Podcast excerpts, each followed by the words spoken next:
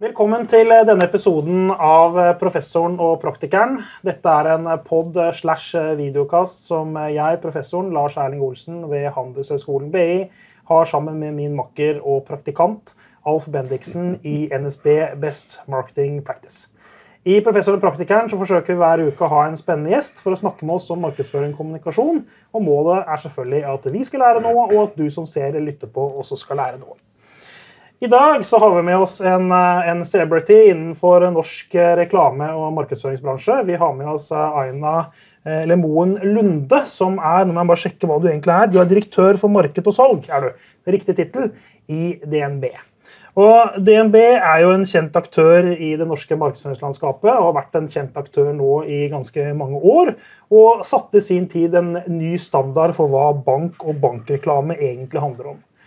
Det som jeg Alf lurer litt på, da, det er det at vi syns banker er så generiske og så lite forskjellige fra hverandre at vi lurer på er det egentlig noe poeng å drive med bankreklame i det hele tatt. Eh, er det noe som skiller banker, eller handler det egentlig bare om styrken på markedsføringsmuskelen? Hvor mye penger er det de egentlig kan bruke på bank?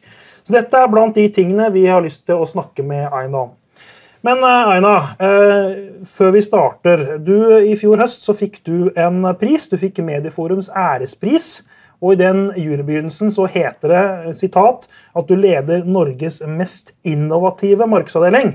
Og Da er det veldig nærliggende, da må vi begynne med å spørre deg, hva, hva mener du, eller hva tenker du er innovativ markedsavdeling? Hva, hva er det dere gjør annerledes enn andre? Altså jeg tenker, um, Om vi gjør annerledes enn andre eller ikke, det vet jeg ikke. Men jeg vet jo hvordan vi tilnærmer oss uh, faget. Og der handler det både om kultur, det handler om fagprinsipper, det handler om store ambisjoner, eh, og det handler også om å måle og se hva gir effekt, og innovasjon gir effekt. Og så har vi nedfelte i fagprinsippene våre på hvordan vi skal jobbe. Så vi har en veldig enkel formel som er litt sånn rettledende i forhold til hvordan vi skal bruke tiden vår. Den kaller vi 50-25-25. Og det handler om at 50 av tida vår skal vi bruke på ting vi kan godt. Det, det, er ting vi vet funker, det er litt sånn eh, daglig virke. Liten risiko, vi vet omtrent hva utfallet skal bli. Det er liksom på en måte grunnplanka. 25% skal være ting som bare handler om læring fra andre. Vi skal ha øynene ordentlig ute, vi skal fange opp hva som rører seg, se hvilke mekanikker andre bruker, eller andre grep. Og så tenke ok, hvordan er det hvis vi gjør det på vår måte. Og Da øker du risikoen litt, eh, fordi du har ikke gjort det før, men noen andre har gjort det før, så Det er mulig å ta læring av andre. Så det er, liksom, det er en høvelig anstendig risiko, og man driver seg litt videre. Den siste 25 det skal være ren innovasjon. Det skal være ting ingen andre har gjort før. Vi har ikke gjort det før. Da er det høy risiko eh, når du gjør det, fordi man har jo ikke noe erfaringsgrunnlag. Til gjengjeld, hvis vi lykkes, så har vi klart å dra oss et godt stykke videre. Så da er liksom belønningen desto større. Og så er det klart at hvis du skal ha en så stor andel som 25% som skal være innovasjon, så er du også avhengig av å ha en kultur som tåler det. For det betyr at du kommer til å gjøre en del feil. Ja, det skal jeg tenke meg at det gjør. Ja, da, da, går du litt på trynet, faktisk. Ja. Og da, og da får du sparken. Ja, ja, med en gang. Altså, nå rydder vi opp. Nei, da, så 25 ut hver uke, det du sier. Ikke sant? Det er det det egentlig betyr. En stor omløpshastighet. Nei, men da er det jo kjempeviktig at man er trygg på det. Nettopp som du er inne på, at det får ikke noen sånne konsekvenser. Målet er å lære hele tiden. Og så må vi lære fort så det ikke skal ha store kostnader. Eh, for da kan du få veldig stort omfang. Så du må liksom klare å fange det opp veldig veldig fort. Og så skal du være trygg på kollegaene dine, og at det vi er ute etter, det er hele tiden å lære å drive oss framover. Og Da fordrer det også at du har et læringssystem. Eh, for Hvis ikke så mm. klarer du ikke å bevege deg videre på den måten. Da blir det bare feil. og så litt sånn mm. putta i skuffen, og så snakker man ikke mer om det. Så, så, så det har vi liksom både på sånn løpende basis, at vi hele tiden er jo veldig opptatt av måling. Eh, på daglig basis og litt lengre basis. Men det betyr også at vi har systematisert så en gang hvert kvartal så har vi marketing review, hvor eneste formålet er å ta opp læring. Så vi tar opp cases uansett om det gikk bra eller dårlig. spiller ingen rolle. Det er vi snakker om de dårlige casene. Vi gjør det, ja, for det er ofte de som har læringen. Ja, ja selvfølgelig. Det, det er ikke alle som tør å snakke om det. Det, det skal man sånn Nei, men. Det, det, er hele agendaen vår for marketing review. Det er sånn de beste læringscasene. Sånn at hvis du da dette var skikkelig tungt eller gikk feil, og sånne ting, ja, da har du antageligvis lært masse.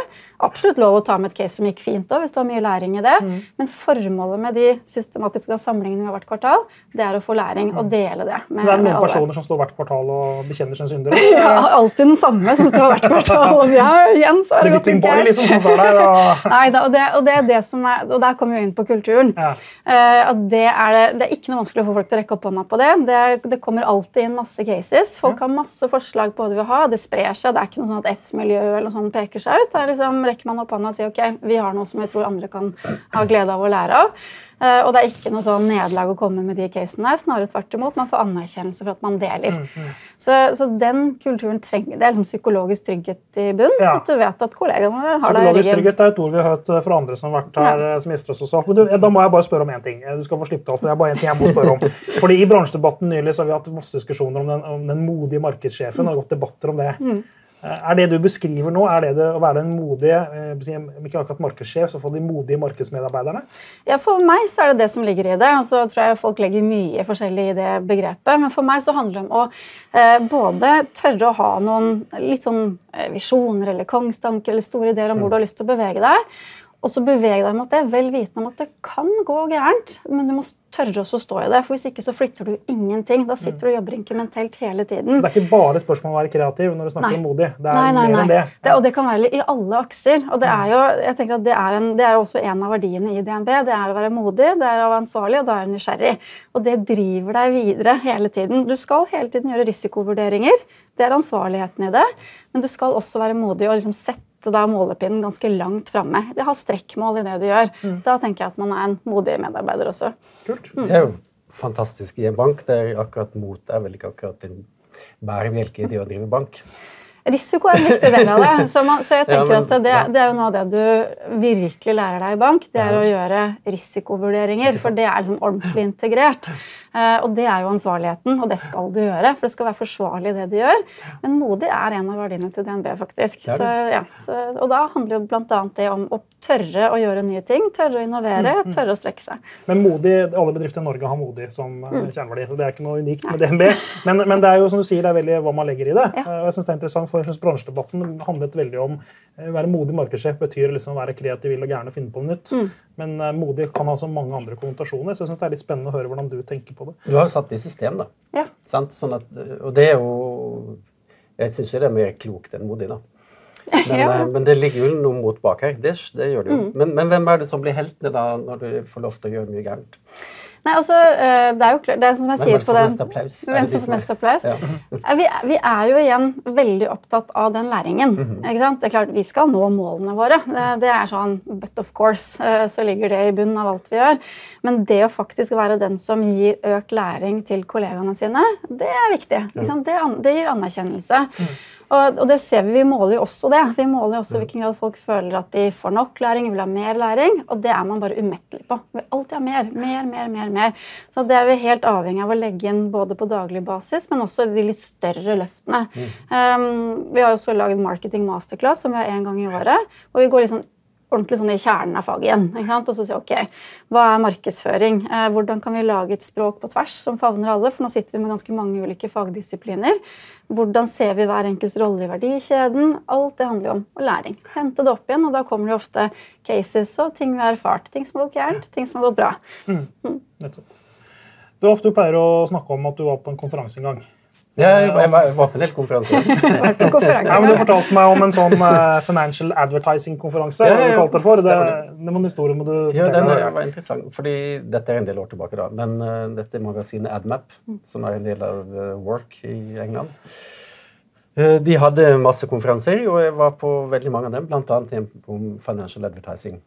Og da var det en som sa etter foredragene da, mm. at uh, Nå husker jeg ikke nøyaktig tallet, men han sa si, sånn cirka da, 10 milliarder pund var brukt i reklame for finansielle tjenester på ti år. Uten at vi kan registrere endring i markedsandeler i mm. England. Mm. Det er fusjoner, men ikke, kunne ikke tilskrives at det kom fra reklame. da. Hva tenker du om det? Uh, jeg tenker at Hvis du ser hele bank kategorien under ett, så er man allerede litt på ville veier. Fordi det er ekstremt ulike roller markedsføringen har, avhengig av hvilken kategori innenfor finans du jobber med. Jobber vi med B2B, så er det helt annerledes type markedsføring enn hvis vi jobber for massemarked. Og også innen massemarked så er det store forskjeller. Et eksempel på det, det er jo at noe av det vi eh, snakker om, det er store, viktige behov som oppstår i livet, som er liksom, behovsdrevet fra kundens side. Det kan være livshendelser som eh, å gifte seg eller skille seg eller flytte hjemmefra for første gang. Altså, sånn, sånn ordentlig store hendelser.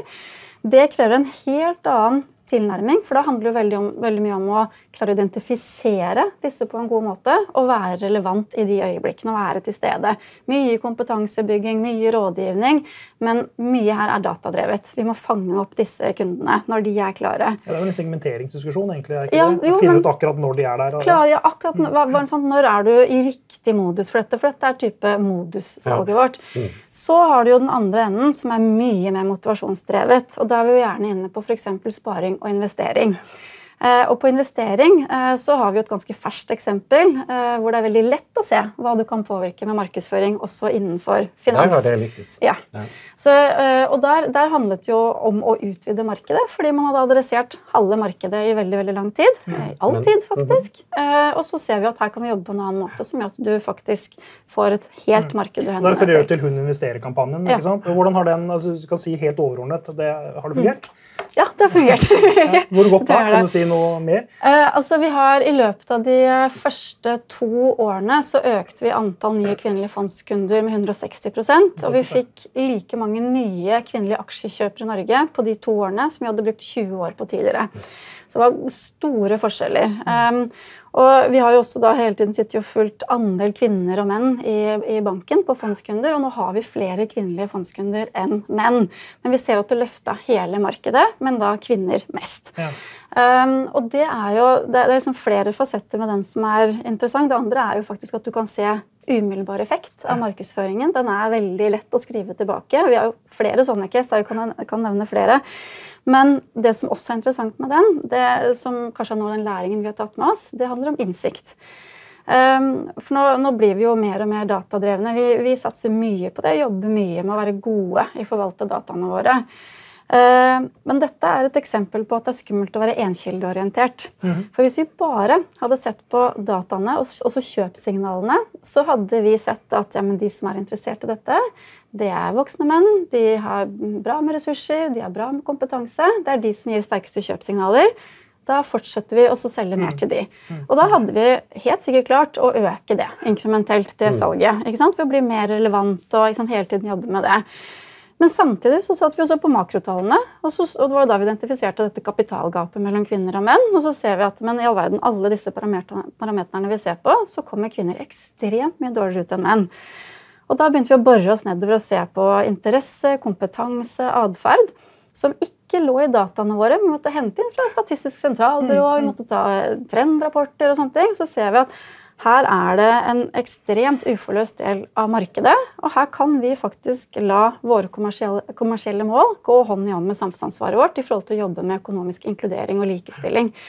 Um, så, så der, og Det er noe av den læringen jeg synes kanskje er viktigst å ta med seg. Det er å bruke flere mm. kilder til innsikt. Det er ikke én kilde til innsikt. Nei, nei. Det, det, det, er, det, altså jeg blir jo varm i marketinghjertet mitt når jeg hører dette. for Jeg syns det er kjempeviktig. Altså det er all ære for alle disse dataene vi har, men mm. vi må på en måte bruke huet og tenke mm. litt høyere. Og så er det som du sier, det er, det, er, mye viktig innsikt som ikke nødvendigvis du finner i, i algoritmene. Ja, for å bruke det som et ja. sånt teit ord. Men, men Alf, Alf sin erfaring, det er riktignok noen år siden siden. Mm. Men, men den, du vil da påstå at det stemmer ikke lenger, i hvert fall i det norske bankmarkedet i dag? da? Det vil jeg absolutt påstå, at vi har ganske konkrete eksempler men er det, på. Er grunnen til det at man i DNB eh, tenker å jobbe smartere enn man gjorde det i England for noen år tilbake? Eller er, er det rett og slett endringer, vært endringer i markedet? eller hva, hva er liksom, hvorfor tro, For jeg tror det, det du refererte til, sikkert var sånn den gangen Helt da. Sikkert, ja. Så hva, hva, hva skjedde? Altså, jeg, jeg, vil tenke at det er flere ting på en gang. Eh, det ene er at man jobber annerledes eh, enn det man gjorde tidligere. Ikke ikke bare i bank, men i flere bransjer. Eh, I tillegg til det så er det klart at hele den omleggingen nettopp til bruk av data er jo vesentlig.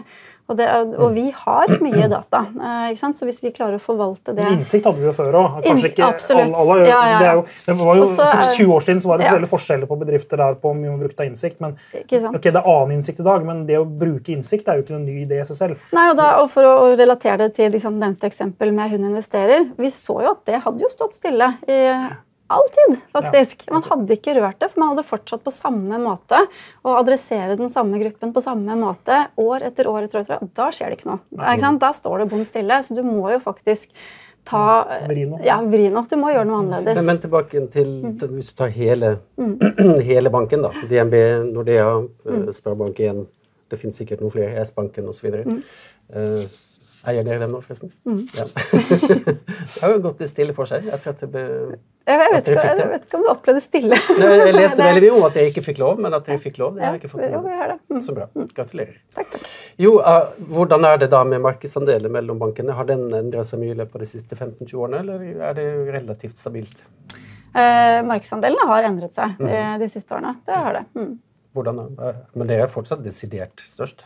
Ja, altså da, Du må faktisk ta, ta inn over deg at det er ulike kategorier ja, innenfor finans også. Så det å liksom gi et sånt uh, stort uh, svar på markedsandel, det går jo ikke. egentlig. Det gir kanskje ikke noe mening heller, da. Det gir ikke noe mening, Nei, det gjør ikke det, for det er jo heller ikke det du konkurrerer på. ikke sant? Og det er klart at du også i denne bransjen har fått uh, masse utfordrere på deler av verdikjeden. Mm. Og det er også vesentlig. Og det endrer jo også litt dynamikken. ikke sant? At du får få konkurranse på enkeltdeler. Mens DNB er jo, der har du alt på ett sted, så vi skal tilby alt til kundene våre. Og da må vi jo liksom skjerpe oss veldig i, ulike deler av verdikjeden hele tiden. Det er en stor endring mm. kontra noen år tilbake. da. Men din kollega som nå har slutta i jobben sin, Kjetil Lundhjem i uh, Australia New Zealand Bank, som vi snakket om for et par år siden, han sa da jeg prata med han om den nye jobben, at var det noe sånt som ti ganger så mange tech-folk som markedsføringsfolk i mm. den banken. Er, du snakker mye om tech, du òg. Snakker mye om tech, ja. ja. Mye om data. Og det er jo eh, mm. Det skjer veldig mye i den retninga hos dere. da, for dere kan jo spore liksom egentlig alt jeg gjør. Alt jeg bruker penger på. Ja, men, og det, det, det, er et kjempeviktig poeng, det du er inne på der. For den dreiningen av kompetanse på marketingfeltet, for den, den opplever jeg liksom går litt i to akser. Det ene er det du har innenfor marketingfaget som er litt evigvarende. Mm. Hvor du blant, altså, Da kan du trekke inn Freud og Maslow og det som handler om mennesket. Eh, det har ikke forandra seg nevneverdig i det siste. Det skal være glad for. Ja, og det, det, skal man ha med seg. at det, Den delen må du også ta vare på. Men så er det den andre delen av marketingfaget som endrer seg en kjempehøy hastighet hele tiden. Mm. Og da bl.a. på selvfølgelig på data og tech. Og jeg, jeg, ser bare et par av de siste rollene vi har, vi har hentet inn i marked. Så er det jo en som bl.a. jobber med samtykker, eh, og kun det. For å være sikre på at eh, vi vet at kundene vet hva de har sagt ja til eller nei til, og at vi har kontroll på det og klarer å forvalte det riktig. Det er to dataingeniører som skal jobbe med innebygd personvern i alle løsningene våre. Så plutselig så må vi på en måte jobbe i et litt annet sted i verdikjeden. Så du har blitt en IT-sjef òg i tillegg? da? Altså... Ja, altså jeg vil ikke si IT-sjef, men data ligger i marked. Ja, for, ja, det gjør det. Data ligger i marked. Så, eh, så, så, så det å liksom eh, løfte den kompetansen på hvordan forvalter vi det klokt, for det handler også om tillit. Ja. Eh, det betyr at alle må uppes på, på, den kompetansen. Du må ha spisskompetanse på det. Eh, og så skal du da, i tillegg til å ha god forvaltning av det, klare å forstå hvordan kan du skape verdier for kunden ut av det. ikke sant? Så Du må jo også ha den mer utviklende delen av det. Så Du har sånn data governance og data science. Du må forstå businessen nå, Det nytter ikke bare å forstå data. Nei, Du må Nei. forstå businessen og du, forstå kundene. I introen så sa jeg det at eh, alle banker er like. Mm. Eller generisk brukte jeg som ord. og det er litt sånn, eh, for Tidligere så sa jeg for det at hvis banken bare leverer på trygghet, så er jo alle banker like. Det er sikkert ikke du helt enig i. eller det er vel Du, du er programforpliktet til å mene noe annet, siden du jobber i DNB. Men, men Eh, liksom, eh, hvor tar jeg feil? Altså, jeg, jeg, tenker at Det er jo et statement du kan ta til hvilken som helst bransje. egentlig. Det kan man det? Ja, det kan du jo. Du kan ta det, og så vil jeg fortsatt si at det ikke er gyldig. Okay. Eh, og, og, Det handler jo om hvem klarer best å levere på kundenes behov. Ja. Og i tillegg selvfølgelig klarer å kommunisere det på en måte som kunden gjør at de er enig med deg. Men Er det klare posisjoner i bankmarkedet? Er det slik at ja, altså, Dette er det Nordea står for, DNB står for dette, Danskebanken er en tredje ting? Ja. Er altså, det? Det, det? er noen grunnleggende driver. For meg er det en grøt. så derfor jeg spør. Altså, jeg, men jeg, jeg jobber jobber ikke så mye bank, så jeg må liksom bare altså Det er klart det er noen felles drivere mm. uh, som er helt grunnleggende, som er hygienefaktor. Det må alle levere på. Men mm. så kommer motivasjonsfaktorene, og de er ulike. Ja. Så det er klassisk points of parity and points ja. of difference? Men det er det, og det er det også faktisk innenfor Hva er det som er unikt med DNB? da? Hva er din pod? Uh, en av tingene hos oss handler jo om at du har alt på ett sted. At du har det rikeste produktutvalget, rikeste tjenesteutvalget. Uh, noe annet er kompetansen til DNB. Uh, det at vi gir rådgivning til kundene våre. Det er jo ingen som har samla så mye kompetanse som det DNB har, og det er viktig for kundene. Mm. Og det er veldig viktig at vi klarer å være relevante eh, til kundene, eh, sånn at vi virkelig forstår dem. Da er vi også litt inne på hva vi kan se av data, mm. hva vi klarer å lytte, hva vi klarer å utvikle. Og så er det smarte, enkle løsninger som f.eks. mobilbanken, som er jo enorm og har veldig veldig høy liking. Den er viktig for oss, at vi lager den mm. type løsninger. Uh, og andre, andre, enkle, smarte løsninger som kundene våre liker. Det, det, er ting som vi da differensierer oss på i, i markedet, og som er viktig for kundene. Men det er jo synlig. Eh, altså, Nordea er jo ikke synlig. Jeg tror jeg ikke kan huske sist jeg så noe annet enn logoen. Det gikk på gata. Nå, nå er jo ikke sjefen når det er her, så det er sikkert være uenig med det du sa nå. Jo, men, men det, er noe med, det er noe med Dere går jo ut og tar noen standpunkt, altså, ja. som vi sier om dette med kvinner og investeringer, mm. mens de andre bankene ja, De prøver sikkert så godt de kan, og det er ikke noe enkelt. Ikke... Men, men, er det fordi dere er så flinke å differensiere dere på det, eller er det fordi at dere har mest penger? Altså, nei, og det er jo det er spennende at du tar opp, for den blir vi veldig ofte møtt med. Ja. Eh, og vi blir ofte sammenligna med de største annonsørene i Norge, og det er vi ikke i forhold til mediespenning. Vi er ikke i nærheten av topp 10 engang, ikke topp 20. Er ikke det, altså? Nei, men folk tror det. Jeg er ganske sikker på at dere var. Yep, jeg vet det. Folk ja. tror det, at vi er det, at vi har veldig veldig høy mediespending. Og alt er relativt, men når du, de vi sammenlignes med, er vi ikke i nærheten av i forhold til hvor mye vi faktisk kjøper av medietrykk. Mm. Eh, og da handler det om hvordan vi gjør det. Og da er vi litt inne på det som du tar opp, uh, Alf, i forhold til at vi prøver å eh, skape engasjement gjennom også å snakke om temaer som vi tenker dette kan være flere enn oss som har en mening om. Her kan mm. vi liksom invitere til en debatt, eller vi kan, kan liksom få mobilisert flere. ikke sant? Altså, så vi vet jo at reklameoppmerksomheten vår og medieoppmerksomheten vår er høyere enn hva vi samla sett investerer. Men dere, men dere har mest penger i bankbransjen? Altså, jeg skjønner at det ikke er størst hvis du sammenligner med alle mulige andre aktører, men i bankbransjen så er det mest penger. Ja, der, og der tenker jeg at der tror jeg du må sammenligne litt på størrelse også. Okay. Eh, grunnen til jeg spør er at Dere har jo en posisjon på en måte som heter mm. fra A til Å. Mm. Og det er jo verdens breieste markedsposisjon. Mm. Vi er A til Å, vi kan gjøre alt. Det er jo ikke en veldig spiss posisjon, men, men, på den annen side, dere har kanskje kapital og penger nok til å kunne ha en sånn posisjon. Det er ikke sikkert alle små banker kunne hatt så svær Nei, også, spenn. Da. så ville du antakeligvis ikke truffet de kundene eh, på samme måte heller. fordi A til Å symboliserer jo produktbredden vår. ikke sant? At vi har et, eh, et så Dere er store nok til å kunne ha den posisjonen? Ja, og at du ja. har alt på et sted. Ja, og det er viktig for kundene. Skjønner, at de trenger de et eller annet, så vet de at de kan få det hos oss. Baron Sharp, dette er jo helt i tråd med det hva han ville sagt. nemlig at Dere knytter dere jo til alle inngangsportene til mm. bankkategorien. Fordi de har penger til deg? Ja, men det har, men det har, det, vi har ikke den spenningen ja, som Nei, men hadde, men altså, hadde du vært en liten bankaktør, så kunne du ja, ja, ikke fulgt Baren Sharp. For da hadde du ikke hatt råd til å være i alle de stedene du eh, sier. det er jo et klassisk eksempel på at Baren Sharp funker hvis du er en stor aktør. Nei, nei, nei. Funker ikke hvis du er en liten aktør. Jo, jo, jo, fordi, Kjør debatt. Fordi, uh, S-banken da, kan jo ikke ha den bredden som det dere har. Nettopp, de må kan ikke følge bare er det jeg prøver å si. Jo, det kan de vel, men de må bare konsentrere seg om ferjen. Okay. Du kan konsentrere deg veldig, veldig, veldig, Men poenget, det som er interessant her, da, du sa det alt på ett sted. fordi den reisen med DNB begynte jo gjennom å kutte ut alle brands og satse på ett. Mm. Og det, jeg pleier å si at vekstreiser begynner med arkitektur. Mm. Og det gjorde jo her òg.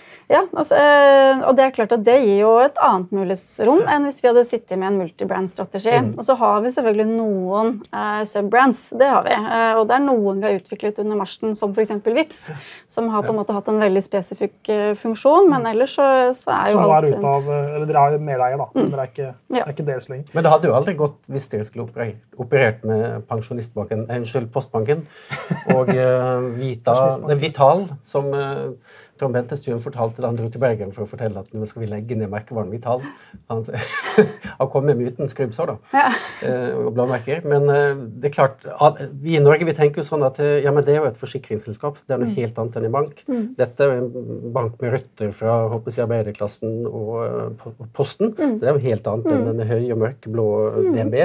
Altså, Hvordan kan vi klare oss å favne alt dette under én? Det går ikke an i Norge. Men det har jo gjort det. Har det, og Forsikring er jo et eksempel på det. Vi selger jo forsikring, og vi ser også at kunder tilbakemelding på at det liker de. De liker mm. å få det samla med banktjenestene ja, sine. Ja. ATO. Ja. Hva er det neste dere skal lansere da, innenfor ATO? Skal, du, skal, du sånn være, skal vi være podkasten der du kommer med nye lanseringen? Ja, det, det, kommer i dag. Kommer det, ja, det kommer nytt i dag. I dag så kommer vi med vennelån til unge. Eh, for vi ser at eh, det er eh, ekstremt mange unge som sliter med å komme seg ut på boligmarkedet. Og så har det vært, det har vært mulig å på en måte komme seg ut dit eh, sammen med noen du ikke har gifta deg med, på en måte, men det har vært vanskeligere. Mm. Uh, og det er noe vi ønsker å legge til rette for, uh, for det kommer til å åpne døra for flere. Men er ikke Friends-serien nedlagt for mange år siden? Så... jo, nå skal vi ha den! Skal vi tilbake til ja, nå vil vi ha tilbake den Friends-serien. Så, så, det, så, det, lanserer vi nå. Ja. Uh, så da har dere kommet fra A til V. Nå, så det er ikke så lenge til det kommer til Å. W blir slitsomt. Vennelån, altså. Så det er det nye. Ja. Så det er stadig sånne små utviklinger. Ja, det er det. og den kommer i dag. Og det, og det er jo også sant, viktig i forhold til å igjen fange opp eh, det som også er der ute. Når vi ser, sant, Det ene er selvfølgelig hvordan unge strever med å komme seg inn. Det andre er jo også å ta inn over seg hvordan bor man eh, i storbyene i dag. Ja. Det er 40% singelhusholdninger. Da er det ganske krevende å komme seg på boligmarkedet. Hvis og ikke noe lettere nå med rentene som går opp. Nei, men Hvis du kan flytte sammen med en venn, så kan det hende at man sammen klarer å, å komme seg inn. Da. Så, mm. Mm. Ja, men dette synes jeg var veldig veldig bra. Jeg, jeg liksom, vi nærmer oss slutten, men jeg har lyst til å, å, spørre deg om en ting som har gått i en diskusjon i kampanjen. og det er dette her som er kanskje litt på siden av bank, men som er interessant. og Det er denne debatten om at markedssjefen har forsvunnet mer og mer ut av lederrommene. Det er en sånn trend vi har sett internasjonalt. Eh, hva tenker du om det? Altså, har du noen oppfatninger om hvorfor det er sånn? Uh, altså, jeg sier ikke at det gjelder deg og DNB, men det er, mer, det er mer sånn generell diskusjon. Generell diskusjon? Nei, altså, jeg, jeg, tenker at det, jeg tror kanskje alle fagdisipliner sikkert på noe ulike tidspunkt uh, opplever at man liksom sliter med relevansen. Eh, det jeg tenker til siden siste avgjørende er jo hva du bringer til bordet. Har du resultatansvar, du har salgsansvar, så skal det godt gjøres at ikke du også har eh, blitt tatt med ja. eh, der du ønsker å bli hørt. Da. Men det forutsetter at du har effekter og kan dokumentere det? da. Nettopp. Det er akkurat det du gjør. Så du, du, må ha tall, og du kan ikke sitte og operere med egne marketing-kopier som ikke, man ikke klarer å trekke over på resultatene. Så, så det, og der tenker jeg også eh, Du kommer fort inn på hvilke deler av verdikjeden jobber du med når du jobber med markedsføring. Markedsføring favner potensielt alt. Eh, og hvis du har avgrenset det for mye, så får du antageligvis også litt mindre muligheter til å utøve god markedsføring, men du vil også selvfølgelig ha mindre relevans enn hvis du har ansvar for en større del av verdikjeden. Mm. Mm. Jeg har et, et, spørsmål. da, for Jeg gikk forbi på Karl Johan her forleden, og så så jeg en lang kø med folk som så ut som flyktninger. Mm. Så jeg lurte på om det var superkø eller noe sånt. Og de skulle inn til DNB. -hmm. Hva, når stenger den siste, siste filialen? Eh, For det, den køen var lang, altså. Ja, og det, ja, de var nok inne og legitimerte seg, tror jeg faktisk. Okay. Så vi, vi, ser jo at, eh, at, eh, kunder generelt da, er veldig digitale. Og så ser vi samtidig allikevel at man ønsker litt begge deler. Og derfor så får de det. Så man kan velge. Og det Eh, henger egentlig også ofte mye sammen med livssituasjonen. Det er det som jeg var litt inne på med store livshendelser, så kanskje du trenger å snakke med noen. Eh, er det liksom hverdagsbanken din, så tar du det gjerne og fikser det bare supersmooth raskt selv. Så, så, det ser vi når vi spør kunder hva vil de ha, så sier de ja takk, begge deler. Eh, men det er veldig avhengig av hvor man er i livet. Og så er det mm, en del ting som man Det er fort gjort å tenke at liksom det å gå fysisk i banken det kanskje bare er forbeholdt uh, godt voksne, f.eks. Men vi ser mm. at nei, også unge syns det er veldig fint. Det er ikke noe at de må gå i banken, men gjerne vil snakke med noen når man f.eks. skal få sin første bolig. Det har man mm. ikke gjort før, det er litt skummelt. Man vil få ordentlig god rådgivning, og ikke nødvendigvis bare sitte og ordne det selv digitalt. Mens masse annet det vil man bare få fikset så smooth som mulig. Det er fordi jeg fant i en skuff eh, noen sedler. Til noen land som jeg ikke skal tilbake til. Ja. Og så tenkte jeg da kan jeg kanskje gå i bankene og få tilbake det som norske kroner. Så mm. tenkte jeg jeg kunne det med, jeg har vært det i veldig mange år. Uh, og så tenkte jeg kanskje jeg skal ringe banken og sjekke først. da kan jeg gjøre det. Nei, vi har ikke valuta, sa han på telefonen. Bank uten valuta. Mm. Så det Bank uten penger? ja, det var også morsomt. Vi har akkurat laget en reklamefilm som handler om et bankran. Og i fokusgruppene i prosessen så sa jo folk at det er jo en klisjé, for det finnes jo ikke lenger. Så Nei. det er jo morsomt. Det er helt sant. Det, ja. så det kunne ikke være en actionfilm, sånn som vi hadde tenkt. Det måtte bli en komedie. Ja. ja, ja. Alf, hva har du lært i dag, da? Jeg har lært 50-25-25. Ja, jeg tror det er mange som kan, eh, mange som kan uh, ta inn den, for det du har gjort, det er jo det som uh, det handler om, nemlig å skape en kultur. Mm. Og, og, når du får den uh, kulturen som også er basert på mot og lov til å gjøre feil, mm. da er det ikke rart at det, mm. det er ikke rart det kommer bra. Men 50-25-25 det tenkte jeg vi skulle innføre i podkasten nå. Det er 50% gjest, 25% meg og 25% det skjeller ut deg for å ta feil med saken. Det er en veldig fin ny leveregel. den har vi lært oss. Eh, tusen takk, Aina. Det har vært eh, veldig spennende å høre deg og snakke og fortelle oss litt om, om bankens verden og, og, hvordan markedsføring fungerer deg. Og du som ser på, takk for at du også lyttet. Og så husker jeg pleier alltid å si to ting. Følg oss på den eh, podkastplattformen du følger, eventuelt se oss på Kampanje TV. Og så er det slik, som vi har sagt, at vi tar gjerne imot tips og forslag om gjester og temaer. Så hvis du har noe du har lyst til å høre om i Professoren og praktikeren, så send Alf eller meg en mail om det, og skal vi se hva vi kan få til. På gjensyn neste uke.